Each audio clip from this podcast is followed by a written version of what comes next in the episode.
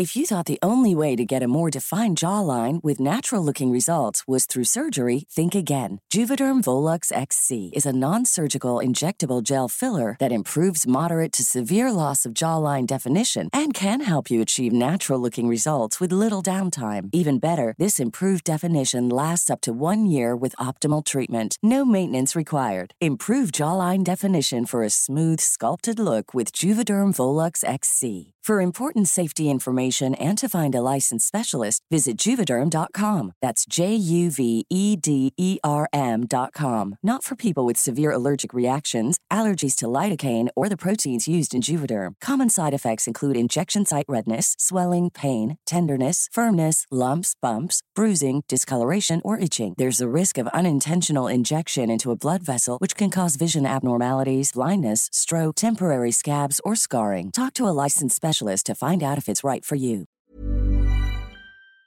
Det är med nöje som jag återigen välkomnar er till det andra avsnittet av Är det någon där?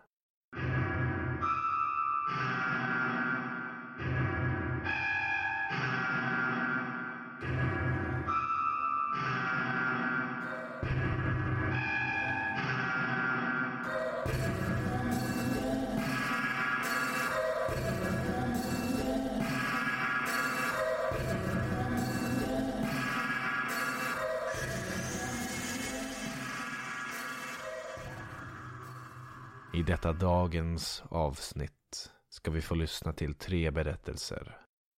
Två lite kortare och en lång, självskriven. Vi sätter väl igång med detsamma. Den första berättelsen är hittad på Creepypasta Wiki. Den är skriven av Ryan Brenneman och är översatt från engelska till svenska av mig. Ursprungligen hette den The Gravedigger had an odd conversation.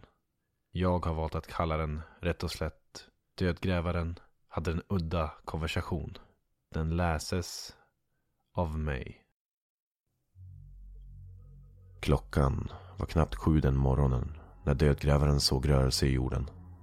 Fingrar, ruttna med blottat skelett brast genom markytan och med kraft drog de sina kroppar till frihet. Det hände över hela kyrkogården. Varje grav, varje kvadratmeter jord vändes. Snart var de tusentals. Många fler än de som var begravda på kyrkogården. En hord av de odöda stod framför honom. Dödgrävaren såg på med sin spade i handen. Han fann sig både förskräckt och fascinerad på samma gång.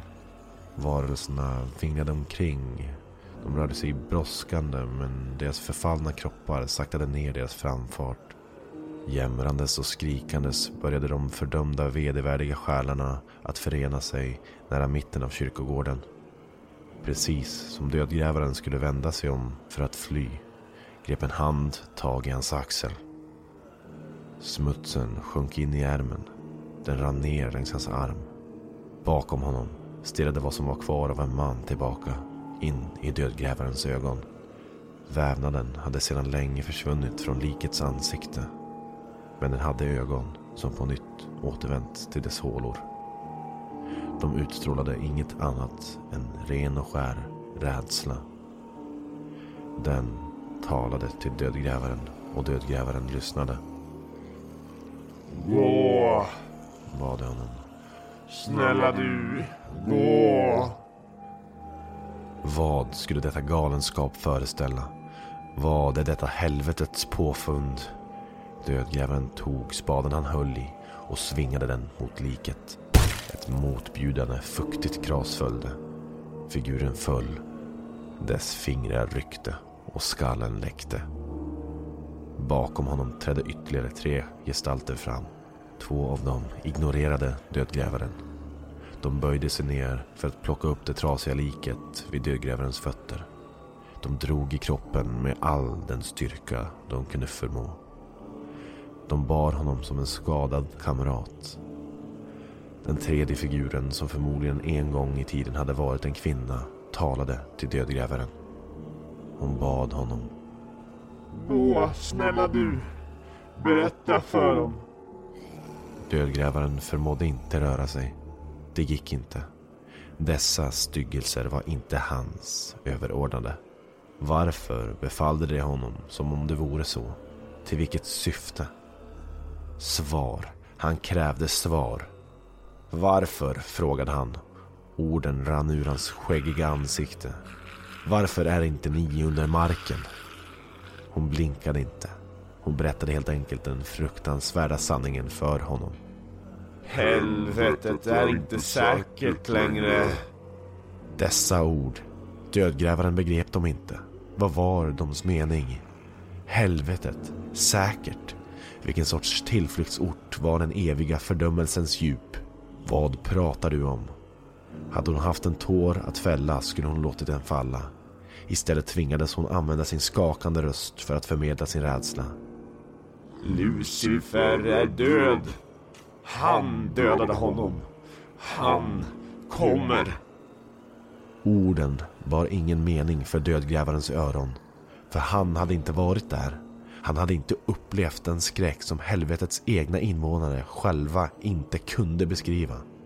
Plötsligt från gravarna reste sig mörka figurer med ögon av eld och hat upp. De rörde sig som rök och fyllde luften med sina svavelångor.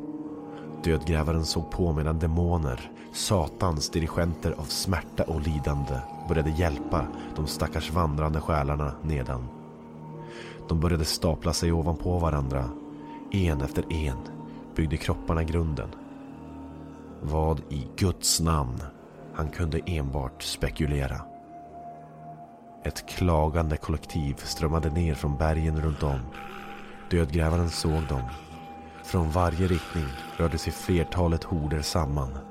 Mer odöda. De lufsade sig fram med hans kyrkogård i siktet. Deras helvetiska samlingsplats. Dödgrävaren var mållös. Den odöde instruerade honom. Gå till din familj. Vi behöver dem också. Min familj ifrågasatte han begäran. De levande. Rättade hon. Hennes blick fäst vid himlen. Vi kommer att behöva dem också. Om vi ska nå dit. Nå, vart? Den odöde vandrade framåt, gråtandes. Brådskan var tydlig i hennes ord. Portarna. Vi måste ta oss till portarna. Dödgrävaren skakade på huvudet. Deras mål var tydligt. Men hans läror var konkreta. Det som är dömt är dömt. Han tar varken emot dig eller någon annan av oss ovärdiga.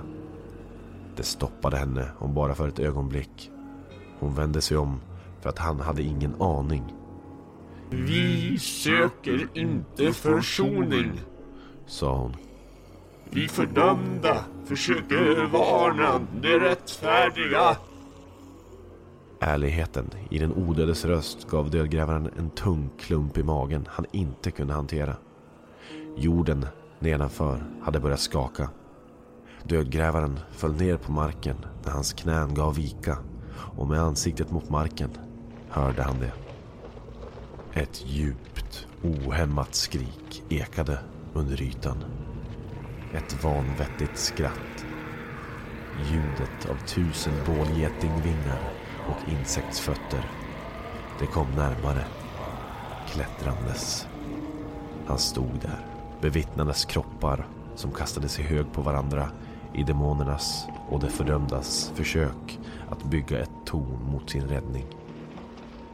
Vem är han? frågade dödgrävaren. Det var nu hans tur att be. Men liken sa ingenting. Det tog inte lång tid innan dödgrävaren insåg att de inte kunde svara honom, även om de hade velat. De visste inte. Väl springandes hemåt yttrade den odöde lågmält ett sista mantra. Orden, fortfarande så främmande för henne, så vidriga, så motbjudande. Det var allt hon hade kvar. Gud måste veta att han kommer.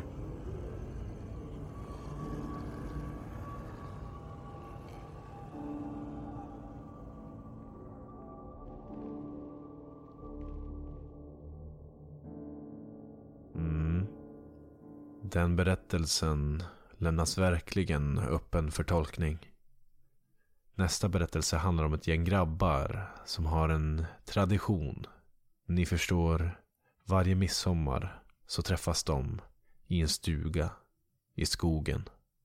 Men den här midsommaren kommer inte att bli som de tänkt sig. Ranchen, en lite längre historia. Skriven och uppläst av mig.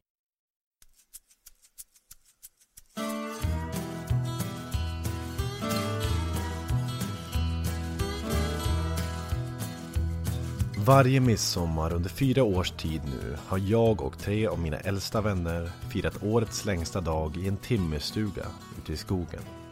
Stugan befinner sig två mil nordöst om en mindre by i norra Jämtland.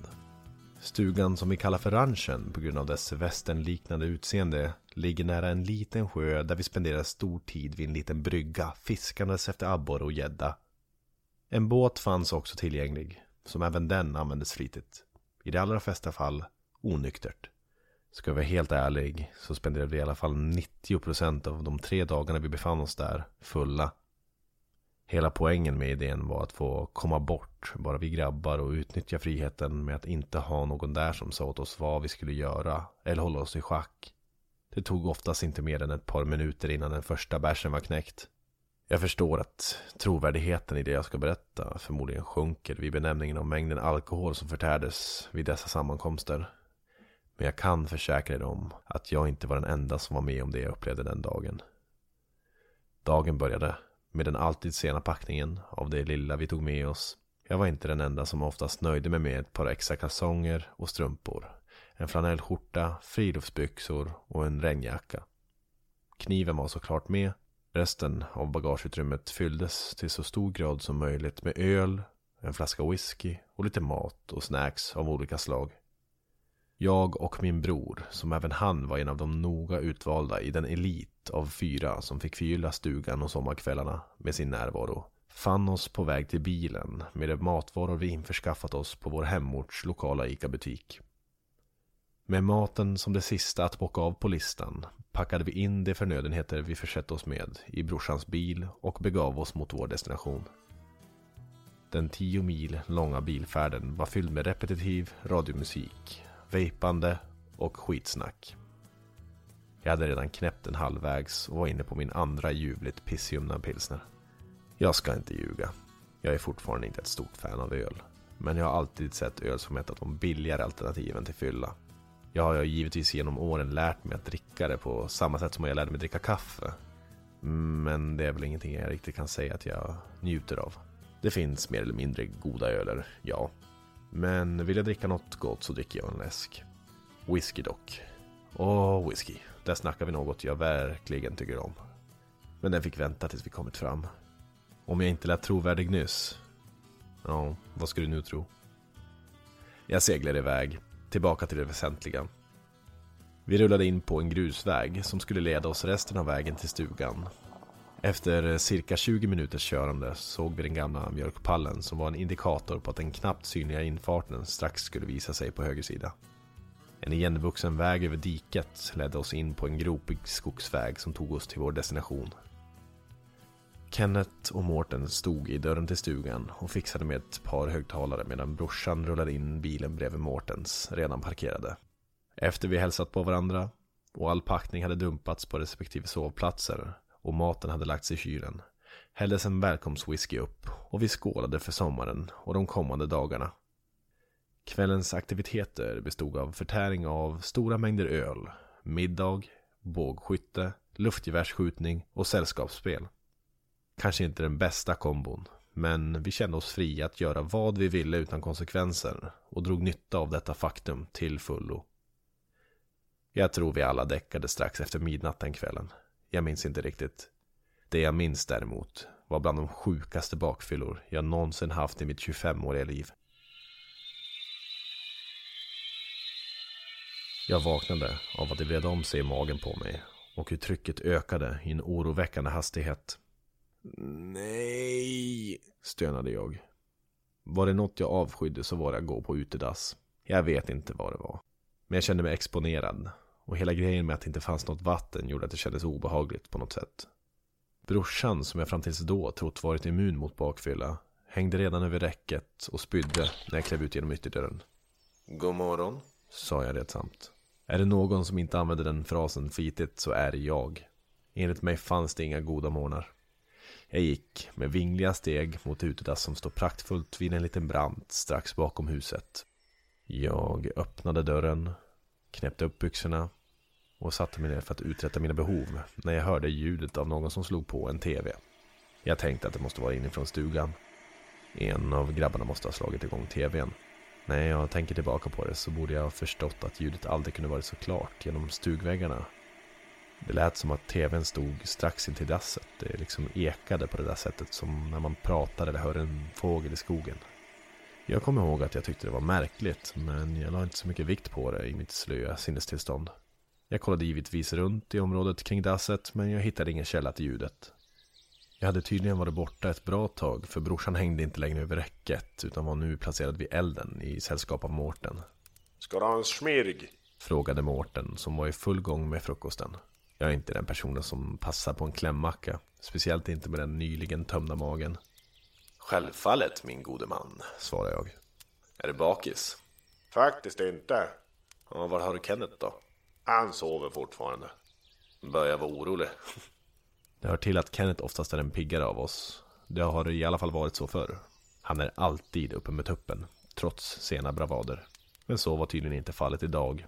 Han låg kvar i stugans soffa och snarkade. Vi gav honom till efter frukost. Sen skulle han vara vaken, eller lida konsekvenserna. Frukosten bestod av toast, varmkorv och pilsner. Säkert jättebra för min dåliga mage. Är det dags? sa jag. Här blir, svarade brorsan. Passerandes ytterdörren möts vi av en ack så sliten men fortfarande sovandes Kenneth. Vi hittade några tuschpennor som senare visade sig vara permanenta och satte planen i verket. Vi prydde hans ansikte med en fager fyrkantig mustasch på överläppen och monoögonbryn. Det är kanske värt att nämna vår lilla jargong eller tradition att låna de befintliga hattarna i stugan. Där en sån där rund militärkeps är ett av alternativen. Men som ofta grips tidigt av Kenneth då han har första tjing då det är hans stuga.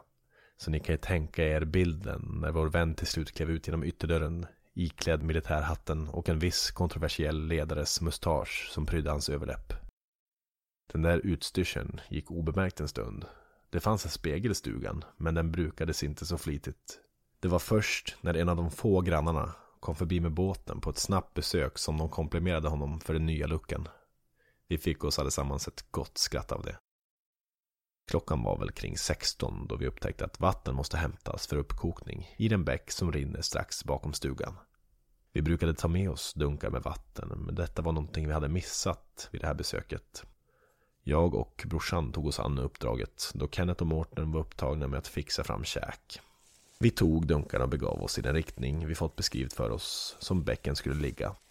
Bäckens plats var ny för oss och de direktiv vi hade fått av Kenneth var inte de tydligaste. Vi gick i lite mer än fem minuter när vi bestämde oss att en av oss skulle fortsätta följa den stigen vi färdats längs medan den andra skulle vika av neråt i riktning mot sjön. Logiskt sett skulle bäcken till slut mynna ut i sjön, tänkte vi. Min bror satte fart mot sjön medan jag traskade vidare på den redan upptrampade stigen. Ett par minuter passerade när jag hörde ett brusande. Ljudet av forsande vatten. Konstigt, tänkte jag då vattnet började rinna längs min vänstra sida då sjön befinner sig där. Jag är dock övertygad om att det brusande jag hör är vatten och det kommer från höger. Så jag vek in bland träden på ett lämpligt ställe. Jag klev över en stubbe och lite mossa när jag såg en öppning eller en glänta. Där måste det vara, tänker jag. Men ju närmare jag kom gläntan, desto starkare blev det brusande ljudet. Men det var någonting med ljudet som lät fel.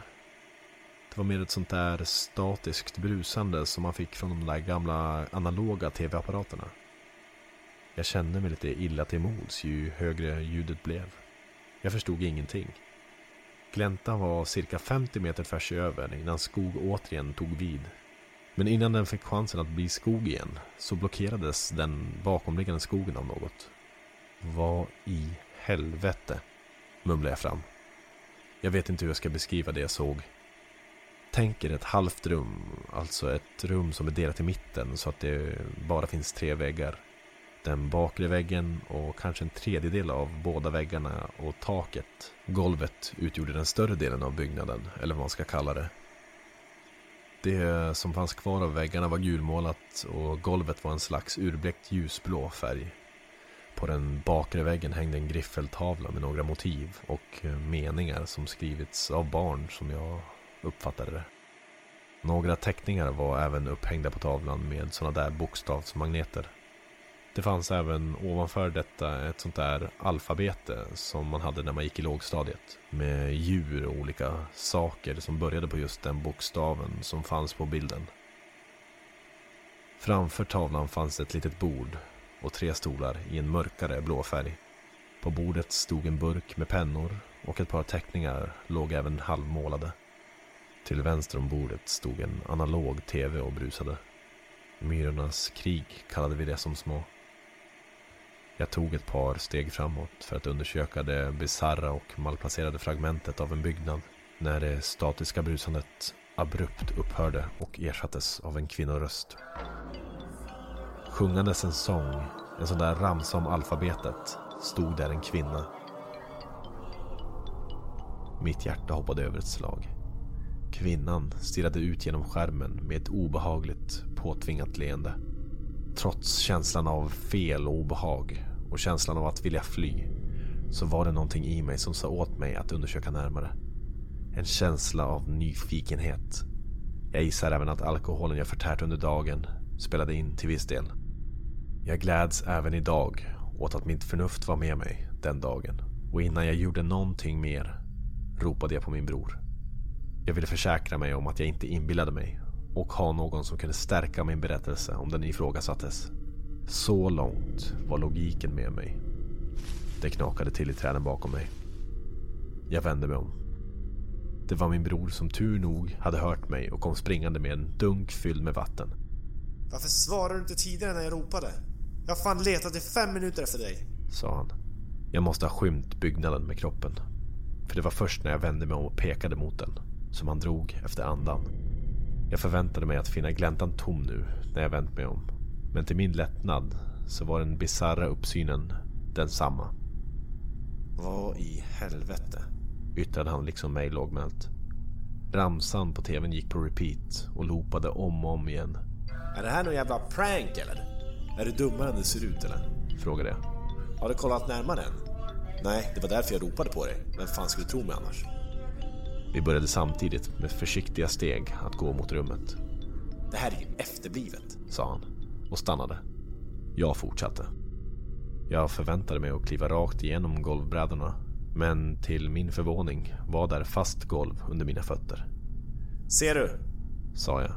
Min bror gjorde mig sällskap och jag puttade bort några kritor från en av teckningarna och plockade upp den från det lilla bordet. Ett familjeporträtt hade avbildats med färgkritor. Någon hade målat en katt och en eh, annan bild var på ett rymdskepp.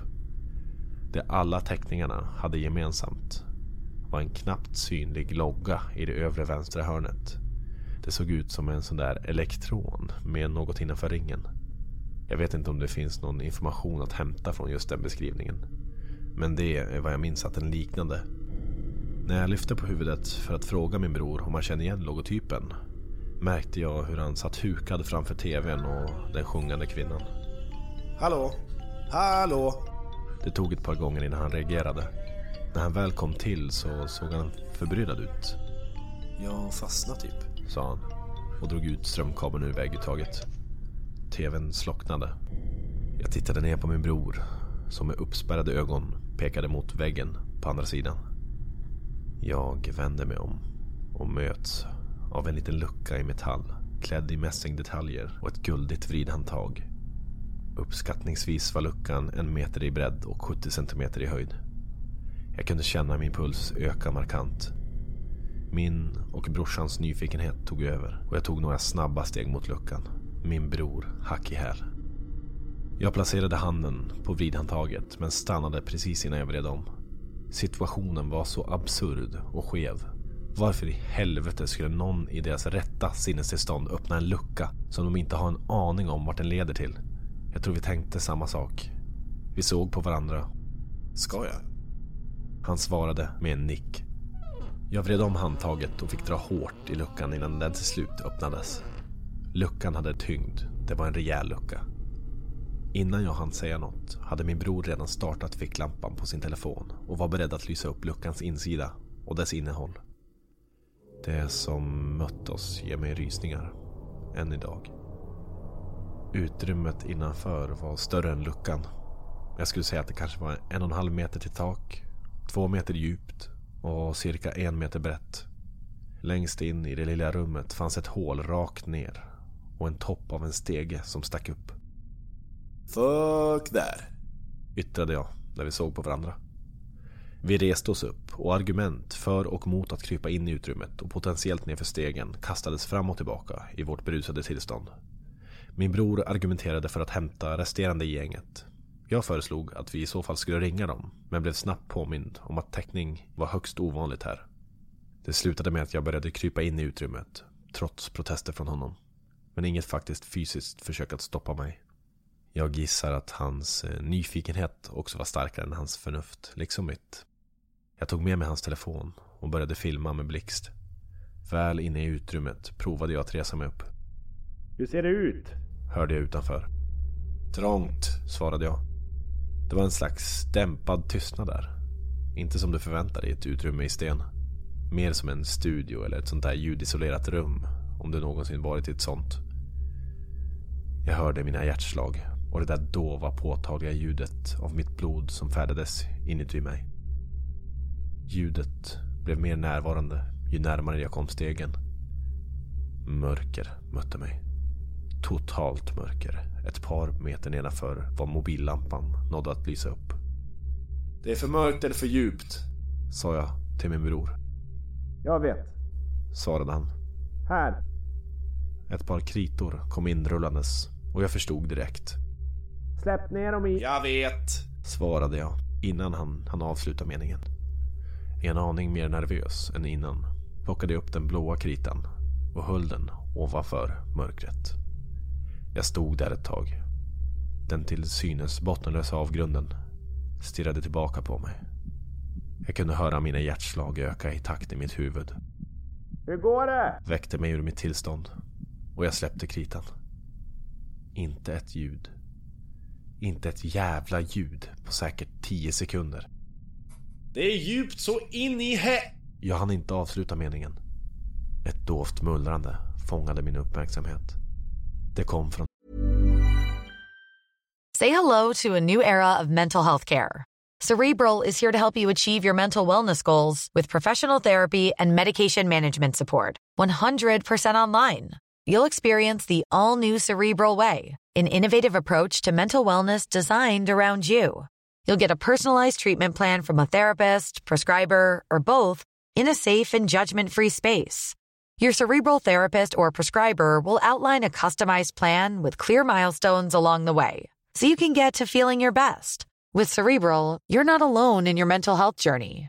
We're here to empower you to live a fulfilling life. So take that first step towards a brighter future and sign up today at cerebral.com slash podcast and use code ACasts to get 15% off your first month. Offer only valid on monthly plans. Other exclusions may apply. Offer ends July 31st, 2024. See site for details. If you thought the only way to get a more defined jawline with natural looking results was through surgery, think again. Juvederm Volux XC is a non surgical injectable gel filler that improves moderate to severe loss of jawline definition and can help you achieve natural looking results with little downtime. Even better, this improved definition lasts up to one year with optimal treatment. No maintenance required. Improve jawline definition for a smooth, sculpted look with Juvederm Volux XC. For important safety information and to find a licensed specialist, visit juvederm.com. That's J U V E D E R M.com. Not for people with severe allergic reactions, allergies to lidocaine, or the proteins used in Juvederm. Common side effects include injection site redness, swelling, pain, tenderness, firmness, lumps, bumps, bruising, discoloration, or itching. There's a risk of unintentional injection into a blood vessel, which can cause vision abnormalities, blindness, stroke, temporary scabs, or scarring. Talk to a licensed specialist specialist to find out if it's right for you. Hålet. Det är något som låter i hålet. Ropade jag. Va? Vadå va? Det är något som började låta när jag släppte kritan i hålet. Men kom ut då för fan! Ropade han tillbaka. Jag vände mig om för att krypa ut genom luckan. Då luckan small igen. Hallå, vad, fa- vad fan gör du? Skrek jag. Jag hörde honom försöka öppna luckan. Små, dova smällar ljudade genom luckan. Men jag hörde ingen röst. Jag greps av panik då jag sedan länge lidit av en smula klaustrofobi. Nu var det extremt. Min häftiga andning och mina hjärtslag fyllde utrymmet och jag la mig ner för att ge porten en rejäl omgång sparkar. En springa började sakta men säkert visa sig med hjälp av mitt sparkande kombinerat med min brors dragande. Nu kunde vi höra varandra igen. Vänta, kniven! Jag såg hur en knivägg fördes in genom springan och hur mer och mer dagsljus trädde in i det mörka utrymmet som endast var upplyst av mobiltelefonens ljus. Just som den övre delen av luckan lossnar vid gångjärnet hör jag ännu ett ljud från hålet. Ett svagt ljus sköt upp genom hålet och regelbundna, dova dunsar ekade där nerifrån. Stegen, tänkte jag. Någon eller något klättrar upp för stegen. Paniken vid insikten fick mig att sparka ännu hårdare och ännu snabbare. Det kommer någon! Det kommer någon upp för stegen! Skynda för fan! Jag försöker för fan, jag försöker! Fick jag som svar. Jag kunde nu se min bror och skogen utanför. I mitt panikslagna tillstånd var springan nu nog stor för att klämma mig igenom. Jag hörde stegen komma närmare och närmare och jag kastade mig mot springan och pressade mig för allt jag var värd genom den. Men det gick inte. Vänta! Skrek han, Skynda. svarade jag ynkligt. Det var kört, tänkte jag. Jag hinner aldrig. Det som befann sig på stegen var nu bara meter från toppen. Jag såg hur stegen vibrerade i toppen genom ljuset av luckan. Min bror ställde sig på den kant som var mest nedbruten och med ett par rejäla hopp på luckan lyckades han få den att öppna sig en decimeter till åtminstone och jag gjorde ett nytt försök. Men det gick inte den här gången heller. Vänd dig om! Fötterna först! skrek han. Jag gjorde som han instruerade och tryckte mig med händerna mot öppningen. Han greppade mina fötter och drog samtidigt som jag pressade mig för glatta livet och gjorde allt jag kunde för att bli så liten som fysiskt möjligt. Precis innan min höft passerar öppningen så ser jag att mobiltelefonen ligger kvar och lyser och jag ropar. Vänta! Din telefon! Skit i den för helvete! Får jag som svar. Just som axlarna med en sista kraftansträngning från mig och min bror skulle pressas genom springan så såg jag från skenet av mobiltelefonen hur en skugga reste sig från hålet. Det fanns ingenting som var bekant med den. Den var skev, sned, på ett sätt som jag inte kan sätta ord på. Jag hann inte avgöra så mycket mer än att det inte var en skugga som liknade någonting jag tidigare sett. Väl ute tog vi det första bästa, vilket var tvn, och kilade fast den framför luckan i hopp om att lägga så mycket avstånd mellan det där innanför och oss. Vi sprang, en telefon och en dunk vatten fattigare, men helskinnade, bortsett från skrapsår från den tajta utpasseringen.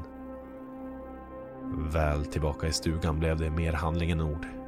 Vi började frenetiskt att packa ihop det väsentliga och beordrade även Mårten och Kenneth att göra detsamma. Vi blev självklart ifrågasatta. Men till slut insåg även de allvaret i situationen med hjälp av att se vårt beteende. Vi stannade vid en rastplats strax utanför den närliggande byn och berättade allt. De visste såklart inte vad de skulle tro, men jag tror att vårt beteende fick dem att till viss del tro på oss.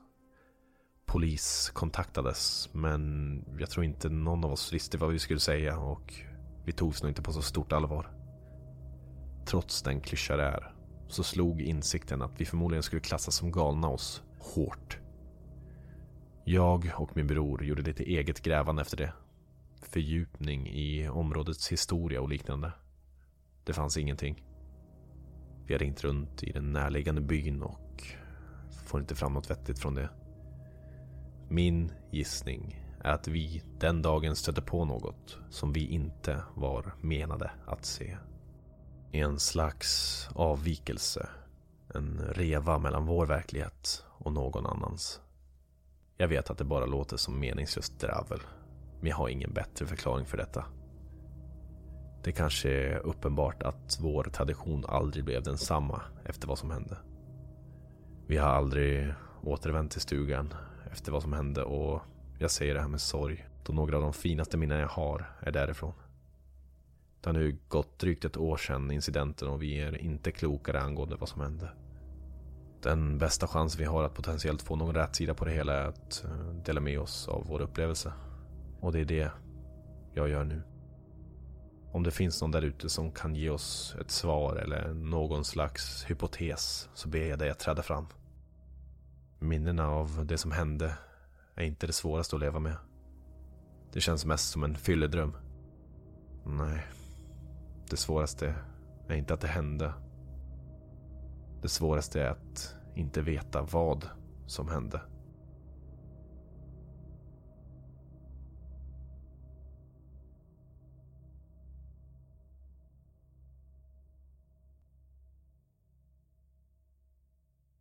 Avsnittets sista historia har jag valt att kalla Rädd för mörkret. Den är skriven av Icy Dice och är hittad på Creepypasta Wiki. Den är översatt och uppläst av mig.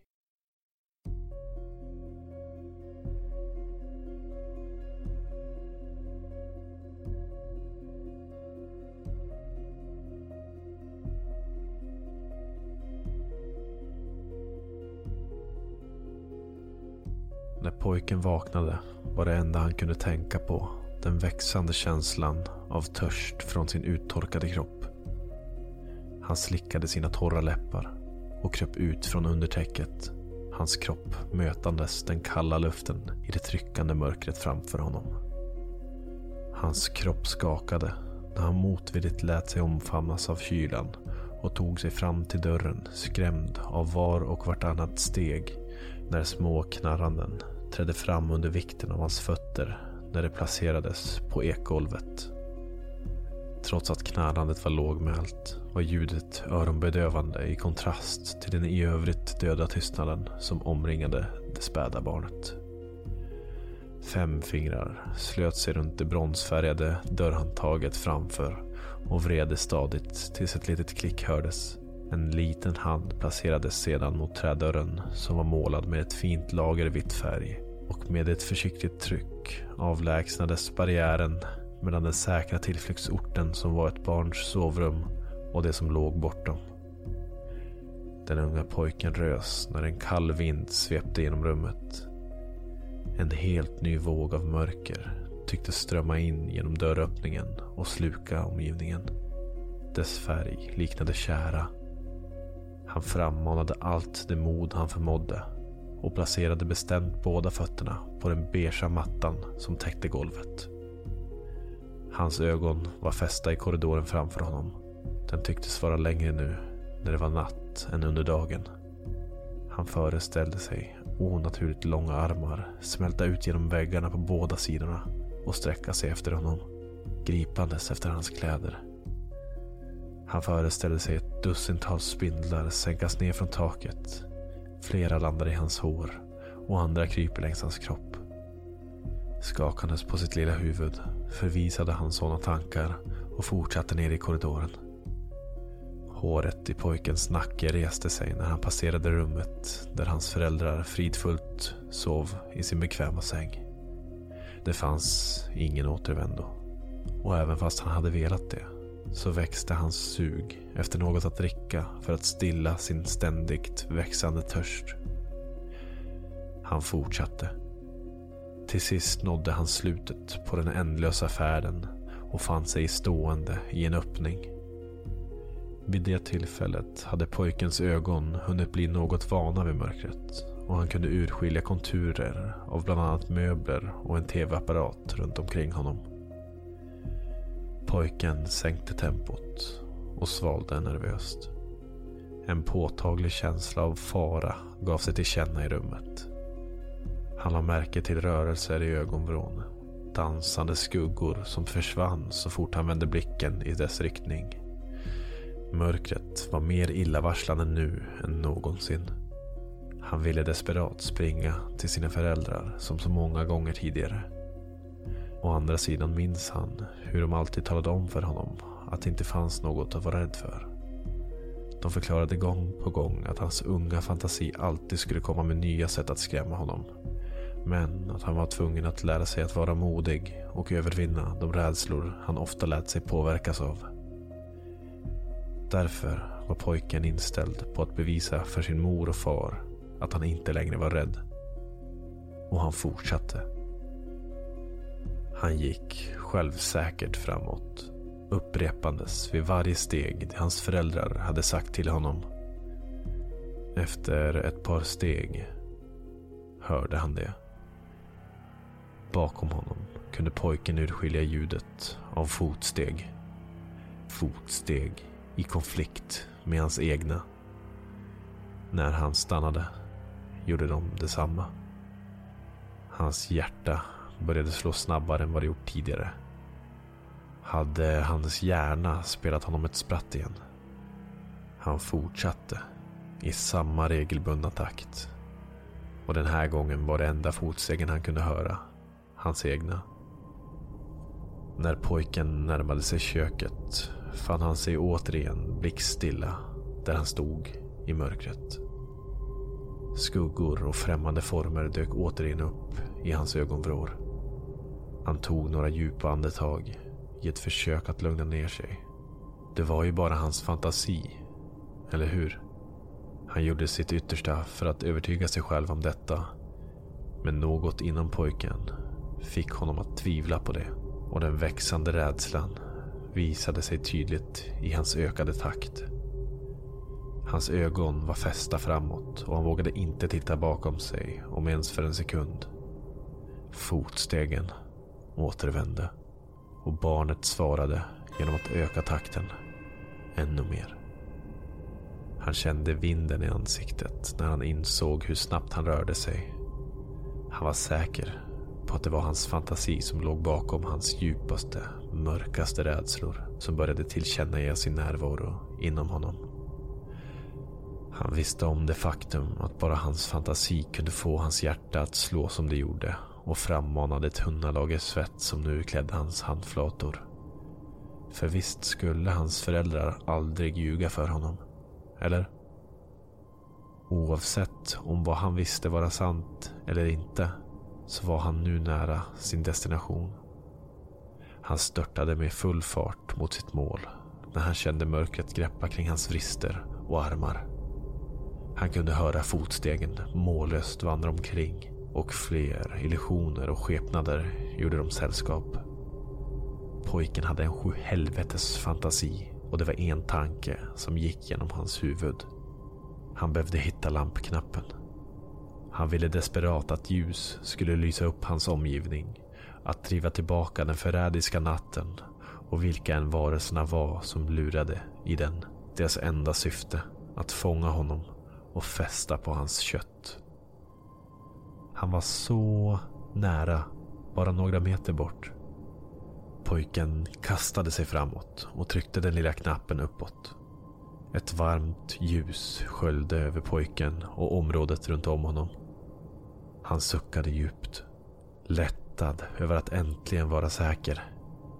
Men innan pojken hann röra sig stannade hans lilla hjärta och hans ögon spärrades upp.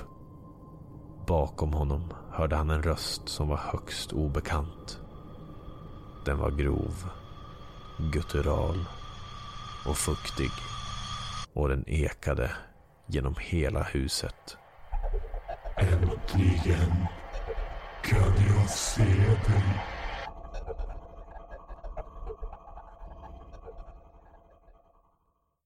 En eh, väldigt relaterbar historia skulle jag vilja påstå.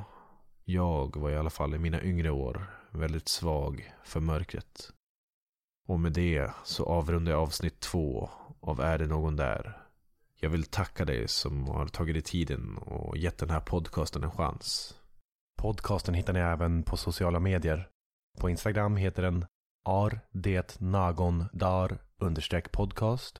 På Facebook heter den Är det någon där? Podden har även en mail Ar det nagon dar snabla gmail.com Dit kan man skicka in egna berättelser eller lite vad man vill.